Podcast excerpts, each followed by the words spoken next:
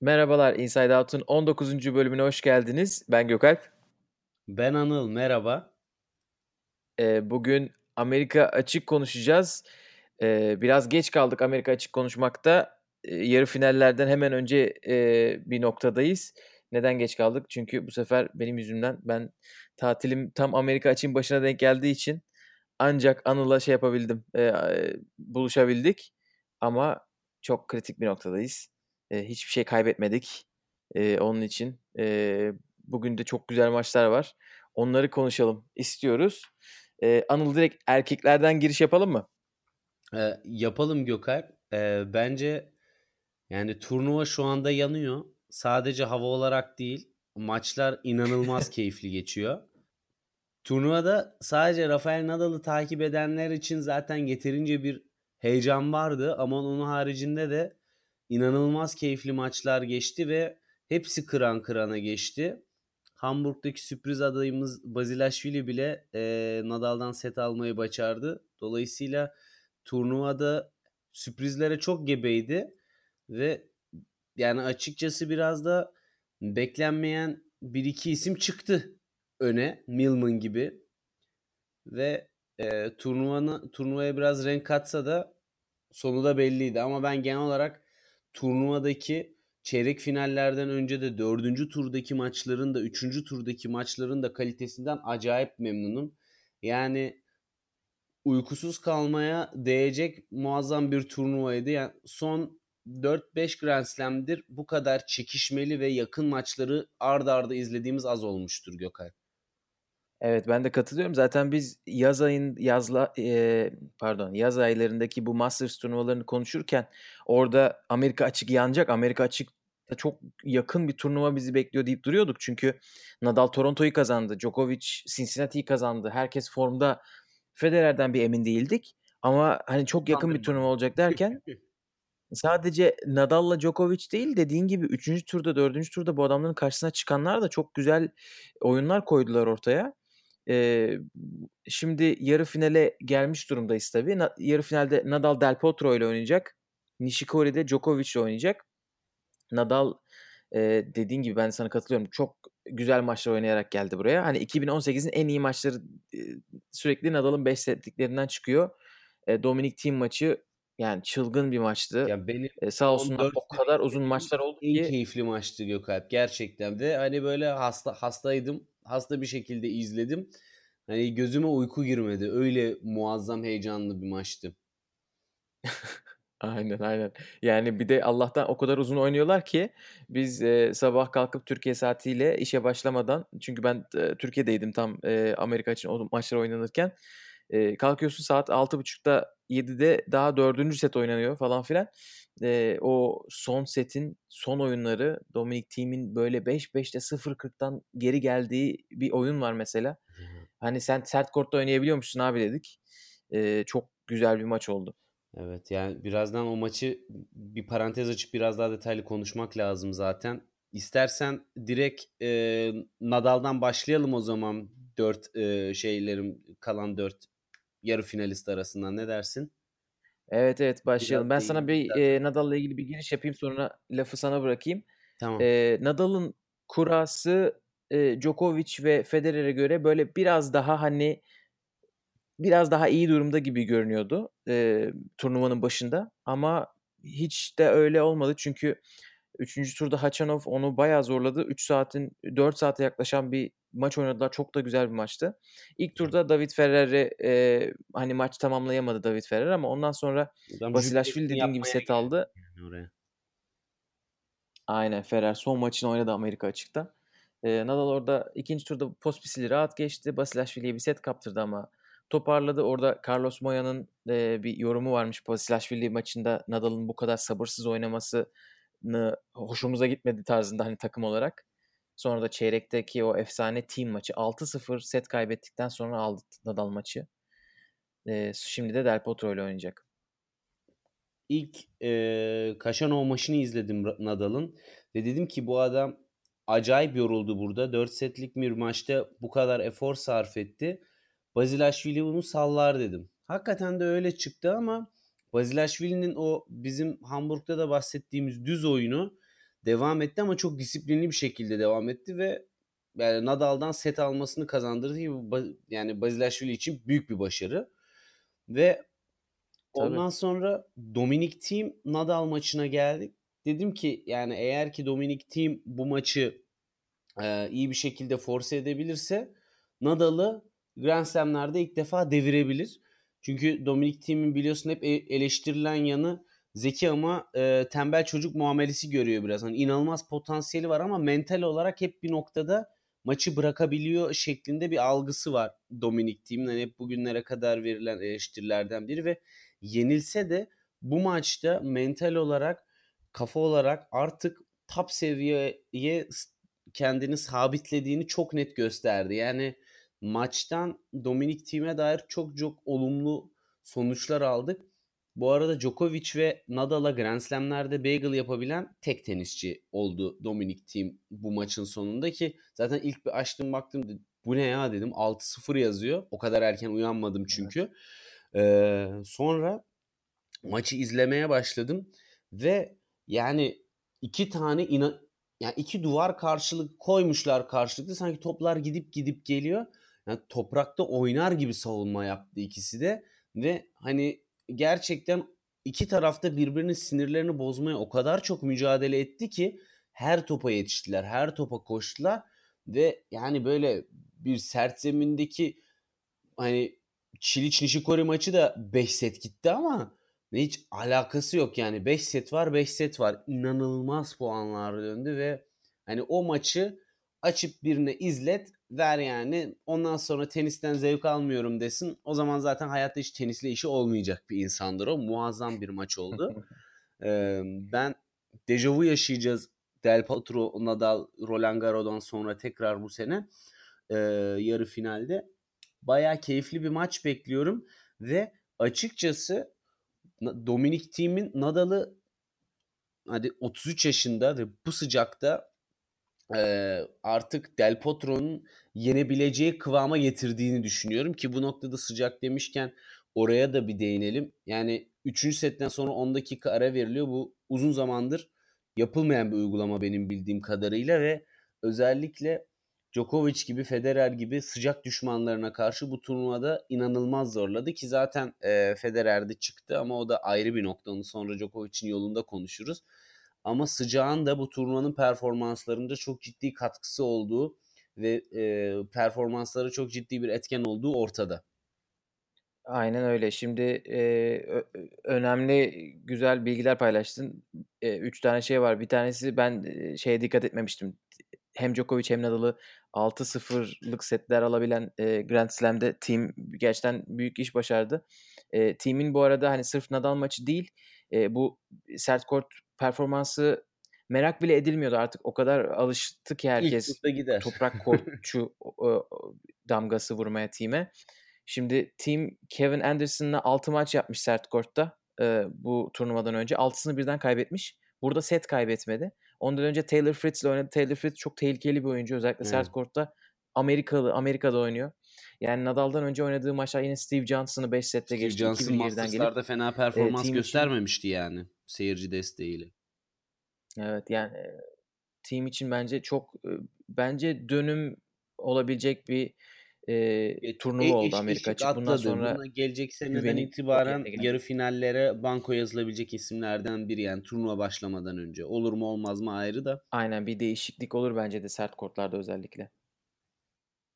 Ee, sıcakta da dediğine katılıyorum. Sıcak hiç olmadığı kadar oyunu etkiliyor. Turnuvada böyle bir nem gözükmüyordu özellikle. Çünkü sıcaklıktan çok nem evet. konuşuluyor. Ve adamların üstündekilerden yani kadınların da öyle tabii ki fark ediliyor. E, Federer ilk defa böyle bir açıklama yaptı ki çok böyle bir açıklama beklemeyiz. Yenildikten sonra dediğin gibi e, ne yaşla ne de e, kondisyonla alakası var. Nefes alamadım kortta dedi e, Federer alamayıp Milman alabiliyorsa tabii orada Milman'a da bir şapka Tamam, çıkartmak Federer lazım. E, aşağı gelmeden önce e, gerçekten onun da etkisi var bence yani. Ama geliriz oraya birazdan. evet kendisi hala şey Ya diyor etkisi yok diyor da bakalım. Eee, evet o ilk iki kısımdan Nadal çıktı yarı finale.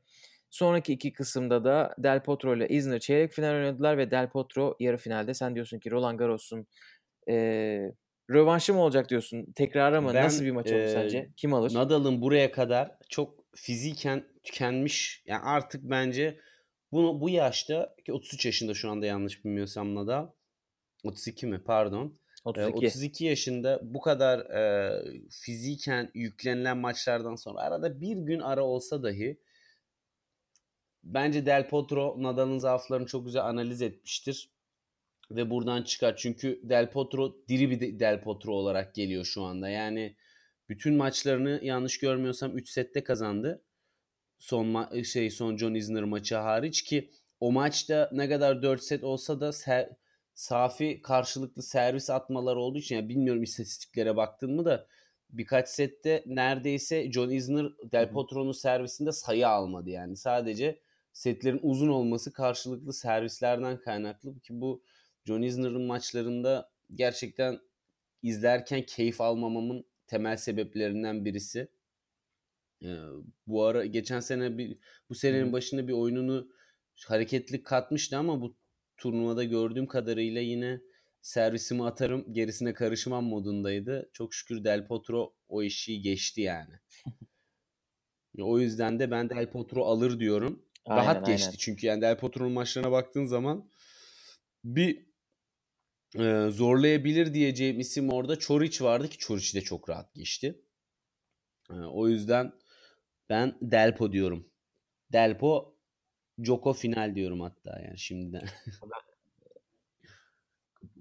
Kupayı da yazalım Joko'ya orada. Ee, ben de Delpo diyorum. Ee, Nadal Aa, onu onu yazmayabilirim valla. Delpo çok güzel oynuyor turnuvada ve adam adamda hiçbir yorgunluk belirtisi yok ki normalde Evet. ondan çok kolay görürsün. Ee, Yani hemen ağır ağır nefes almaya başlar. Onda da o, orada biraz şey var yani Delpo'da da ya bu böyle sıcakta bu nemde e, saha üzerinde o yorgunluk belirtisini çok kolay yapabilen bir adam. e, ya bu sıcakta bu nemde gerçekten fiziken iri bir oyuncu olduğu için çok daha çabuk yorulmasını beklersin ama e, iyi gidiyor şimdilik. Evet çok iyi gidiyor. Burada iki defa oynadılar Amerika açıkta Del Potro ile Nadal.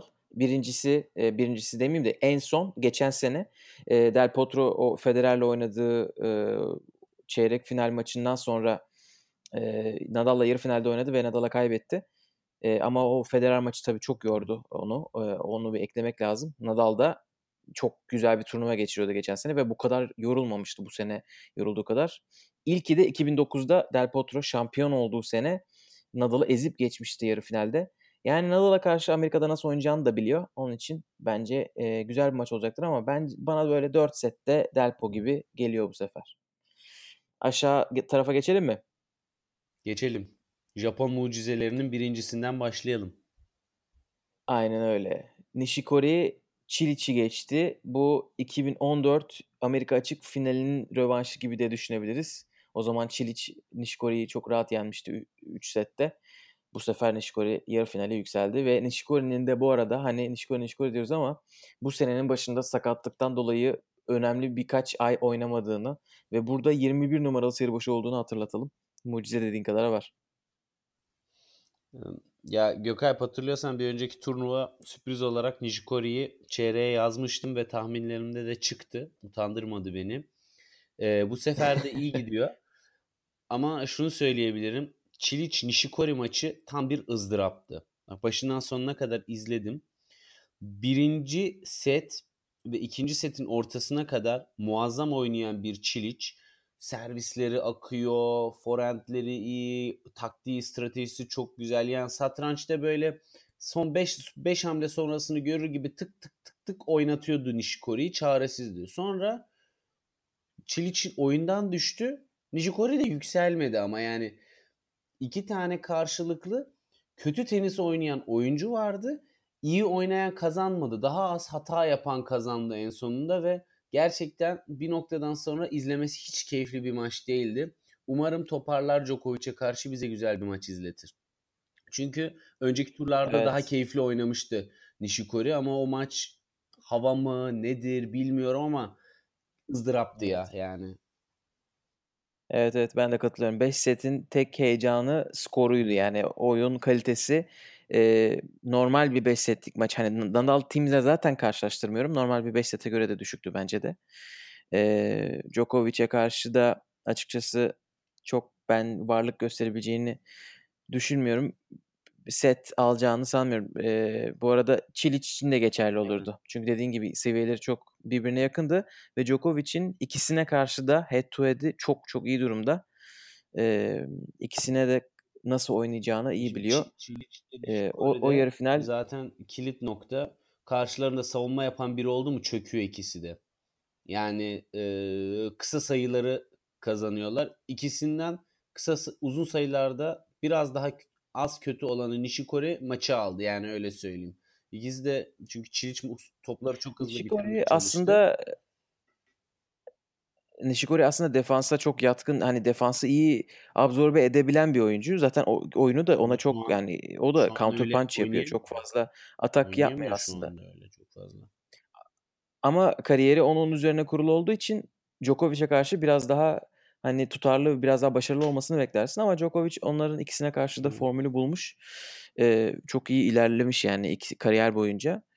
Ee, bakalım ne olacak? Ben şaşırtmalısını beklemiyorum açıkçası Nishikori'nin. Ee, bir de buraya kadar çok da e, hani kritik bir maç oynamamış. Bakıyorum Nishikori'ye. Çiliç'e kadar çok da ahım şahım bir maç yok. Kolschreiber, Schwarzman, sırf, sırf, Monfils, sırf, Monfils çekilmiş Martirer. Yani karşı oynadı.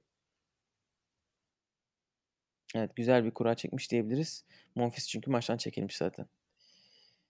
E, Djokovic'e gelecek olursak orası en çok merak edilen taraftı. Çünkü biz bir Federer Djokovic çeyrek finali bekliyorduk.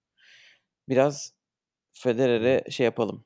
Yani Kulaklarını e, Djokovic'in kurası çok çok rahattı baktığın zaman. Zorlayabilecek hiçbir isim yoktu. Ona rağmen e, Fucovic'e set verdi ve Sandgren'e set verdi. Yani çok da e, skor bazında turnuvaya iyi bir başlangıç e, sağlayamadı.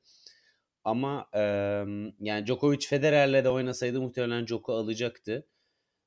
E, Milman Federer maçını izledin mi bilmiyorum. Öncesinde Federer böyle kortta kelebek gibi uçup arı gibi sokuyordu. Gerçekten yani böyle inanılmaz rahat hareket ediyor. Tam Kyrgios'un biraz da disiplinsizlikleri var ama özellikle bu e, Pierre Erbe maçında biliyorsun Kyrgios'u e, hakem motive etti falan filan bir şeyler oldu. İlginç bir durum vardı. E, hı hı, evet. Sonra ama Milman maçını açtım. İlk set diyor dedim ki yani oh tamam 5-4 zaten önde ikinci sette de 40-15. Sonra bir anda Federer'i ayaklarını almışlar.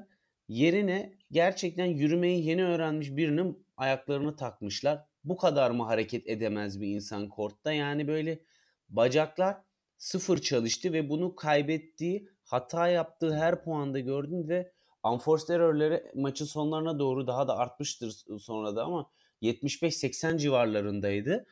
Yani bunun da tek sebebi ayakların çalışmaması. Yani bütün maç boyunca devam ettirdiği tek şey servisleriydi.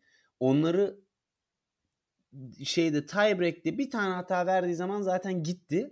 Ve dolayısıyla son iki seti de tiebreak'te kaybetti. Hı. Yani Federer'in maçı vereceği ikinci setin o dönüşünden sonraki bütün oyunu hiçbir şekilde değişmediği için yani Milman zaten maçı kazanmadı. Kendi de söyledi hani Federer ben iyi bir gününde yenmedim bugün ama yine de tadını çıkaracağım dedi. Yani e, Milman oraya büyük bir mucizevi e, şans eseri hayatında hiç göremeyeceği bir seviyeye geldi bence e, onu da tadını çıkarmak hakkı ama e, gerçekten Federer'i öyle izlemek bayağı yordu beni. Hani hep insan bekliyor bir dönsün bir dönsün bir şey olsun falan diye ama olmadı. Ve o yüzden de Djokovic'in yolu biraz daha açıldı. Daha az yorularak geldi Nishikori'nin karşısına. Dolayısıyla finale de ben net bir şekilde Djokovic'i yazıyorum Gökhan. evet ben Federer Milman maçının başını izleyemedim ama en son sanırım son setin sonlarıydı artık.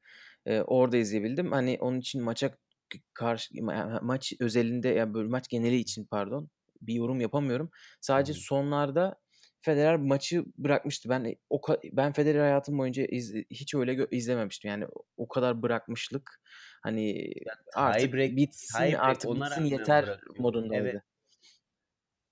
Ya bak Ve, atıyor, e... alıyor yani oyunlarını. Ve Gökalp çok affedersin lafını böleceğim. servis kırmıştı ve üstüne e, 40-15 öndeydi yine verdi o oyunu. Yani e, ve filede bir smaç kaçırdı. Gökalp kafayı yersin. Yani böyle her şey yağ gibi akarken bir anda böyle bir şey yapıyor ve yani zaten yapabildiği şey sayısı sınırlı ve o kırdığı oyunda ilk defa topa falan vurdu.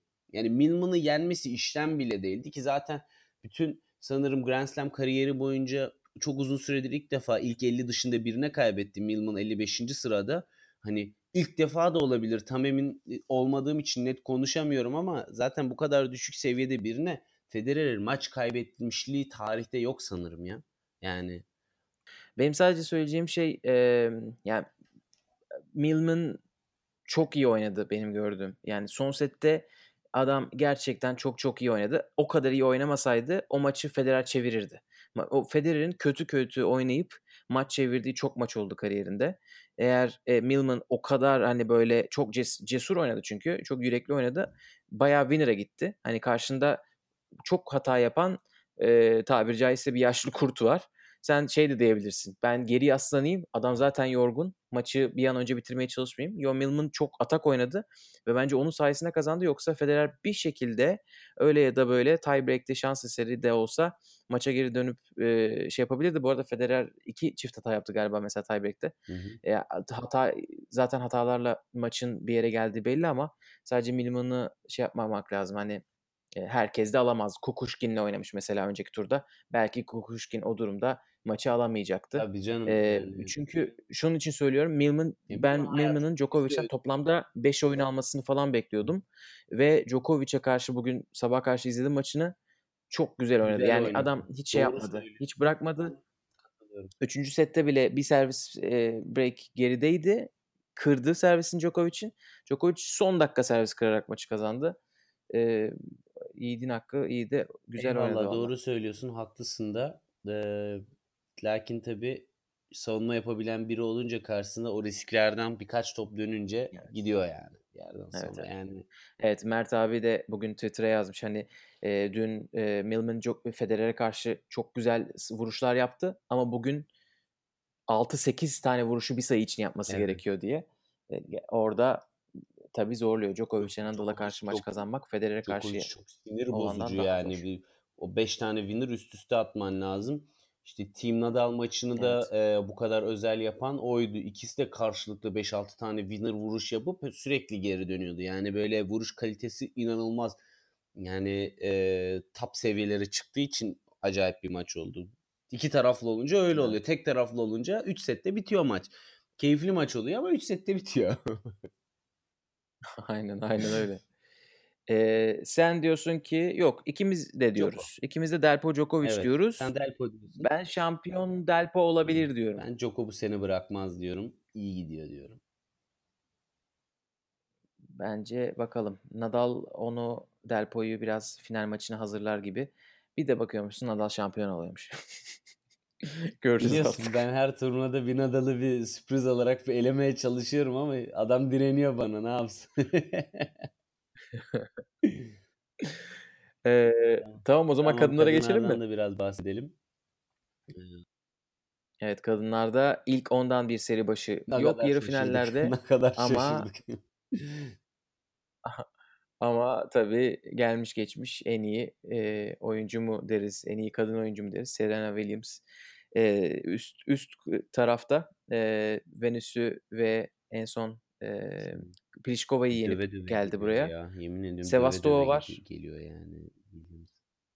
Aynen öyle. Sevastova var. Sevastova şaşırttı beni. Açıkçası çok büyük bir sürpriz ya böyle çok çok aşırı bir sürpriz değil çünkü Sevastova hani böyle Pennetta gibi e, Twitter'da da e, Berci Kristin yazmıştı.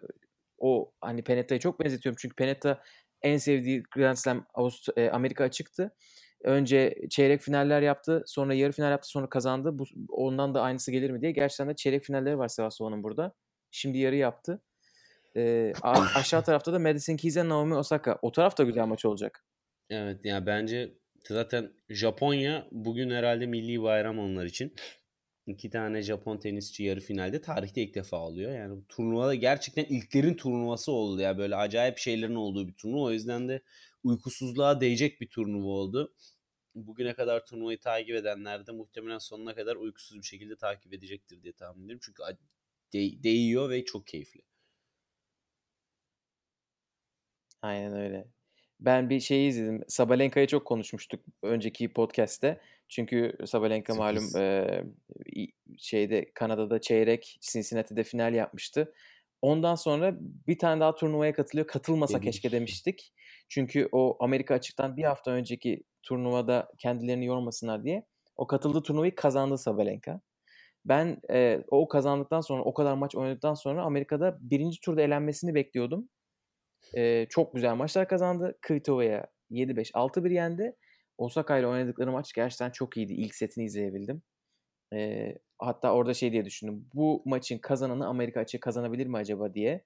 Onun için benim bu dörtlü arasından içinde Serena Williams olmasına rağmen e, Osaka kazanır diyesim var. Madison Keys'i de hiç bilmiyorum. Durduk yere durduk yere demeyeyim de hiç beklemeden hiç beklemiyordum yarı final çıkmasını. Yani Şu anda yarı e, finalde o da. Madison Keys gayet istikrarlı gidiyor. Yani bu turnuva özelinde değil genel olarak da sürekli yukarılarda. Ben o yüzden yani yarı finale çıkmasını şaşırtıcı bulmuyorum. Kadınlar arasında Amerikalılar Sloane Stevens ve Madison Keys maşallah bu sene yani fena bir e, ritim tutturmadılar. Ama işte Serena Williams gerçeği tekrardan gün yüzüne çıktı Gökalp. Yani Sevastova eyvallah katılıyorum sana. Çok güzel bir Amerika dönemi geçirdi. Sabalenka da çok iyi bir dönem geçirdi. Ee, pardon ama yani buradan kadın sağ bak e, Kerber nasıl kazandı Serena Williams'a karşı? Topu yavaşlatarak Serena Williams'ı koşturarak fiziğini yorarak. Ama bunu ne zaman yaptı? Hamilelikten döndükten sonraki ikinci turnuvasında yaptı. Şu an yemez yani kolay kolay işlemez. İnanılmaz bir seviyede bence Serena Williams ve net bir şekilde alacak yani. Evet, evet o zaman Wimbledon kaçıncı turnuvasıydı hatırlamıyorum ama Serena tam değildi. Hatta Serena'ya e, bu hangi maçtan sonra? Kanepi maçından sonra korttaki röportajda sordular. Wimbledon'dan sonra e, Amerika'ya kadar kendimi geliştirmek istiyorum. E, ve geliştirdiğini görüyoruz dedi kadın tabii ki. Çünkü orada Venüs'ü 6-1 6-2 yendi burada ilk haftada. Ne, en çok neyini Öyle geliştirdiğini düşünüyorsun? Serena direkt e, kondisyon diye yapıştırdı cevabı.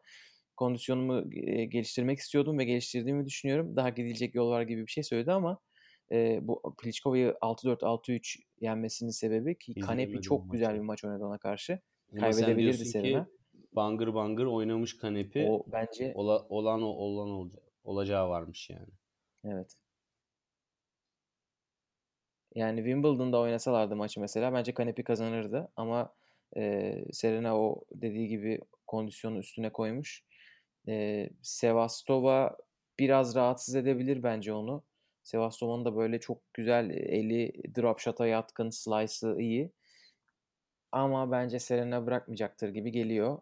Ama öbür taraftan Yani kim kapalı. gelirse Yok hayır e, hiçbir tahminde özellikle bulunamıyorum Osaka yani. gelirse Serena kazanır diyorum ama gerisi piyango ya. e, bence Serena finale çıkar. Eğer öbür taraftan öbür tarafı ben de bilemiyorum ama Osaka gerçekten çok iyi oyun, çok iyi bir turnuva oynuyor. Onun için Osaka bir tık önde bence. Osaka çıkarsa final çok Ya ortada. ben Keys de Osaka'nın bence formunu önde olur. görüyorum ama e, Madison Keys'in seyirci avantajını e, hesaba katıyorum biraz.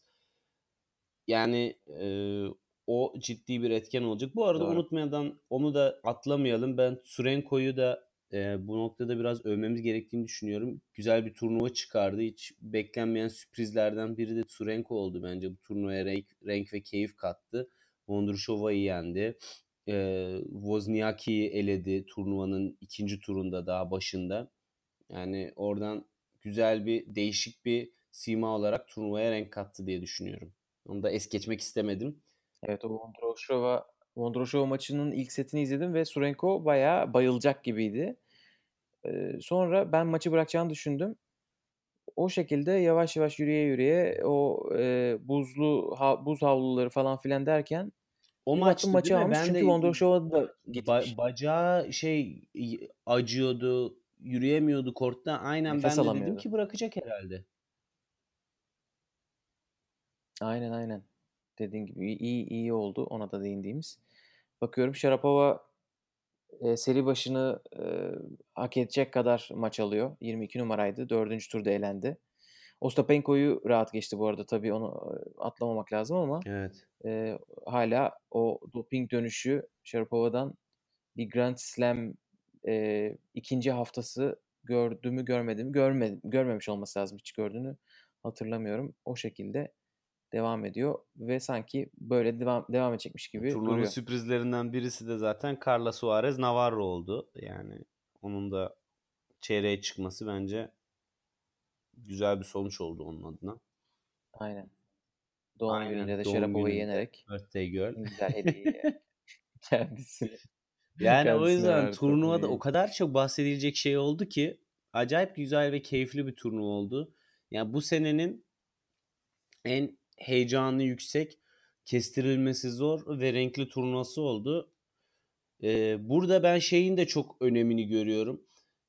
Yeni jenerasyonda, genç isimlerde, kadınlarda da erkeklerde sert kortta bir ayrı oynuyorlar. Yani özellikle servis oyunlarına çok çok iyi tutunuyorlar ve bu da maçlara çok renk katıyor. Mesela Nadal Kaşanov maçında Kaşanov'un sert korttaki avantajı olan gücü çok ön plana çıktı.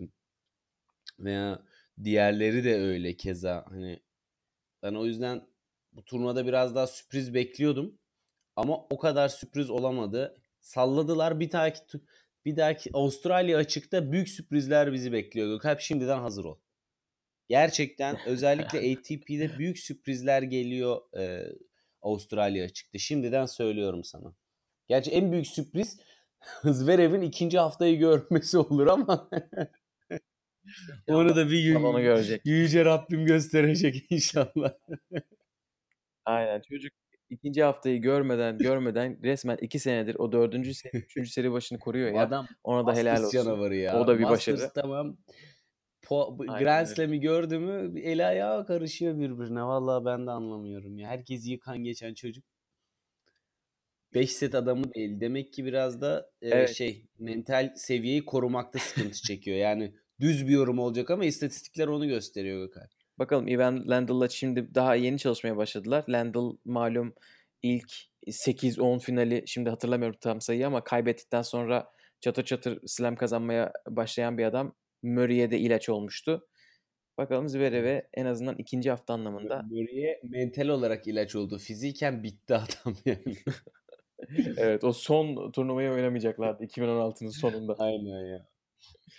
O son forehand'i vurmayacaktı ya. Aynen. Neyse. Ee, kapatalım mı? Ee, bugün biraz ekspres yapalım dedik. Yarı Evet, finalleri konuştuk. Bence de kapatabiliriz ama yani son olarak şunu söyleyeyim. Şu ana kadar izlememiş olanlar bundan sonrasını kaçırmasınlar. Acayip bir turnuva oluyor. Evet. Aynen yarı finalleri izleyebiliyorsanız izleyin. Ee, hem kadınlarda hem erkeklerde e, en kötü maç Djokovic Nishikori maçı olacak bence ki o da güzel maç olur. Evet. Yani o kadar yüksek Sen kalite tabii- olacaklar.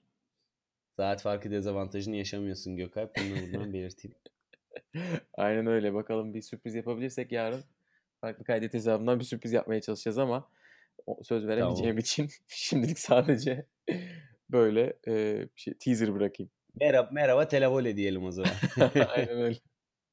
tamam. Dinlediğiniz için teşekkür ederiz. Teşekkür ederiz. Tenisi izlemeye de devam edin. Bizi izleme, dinlemeye de devam edin. Görüşmek üzere.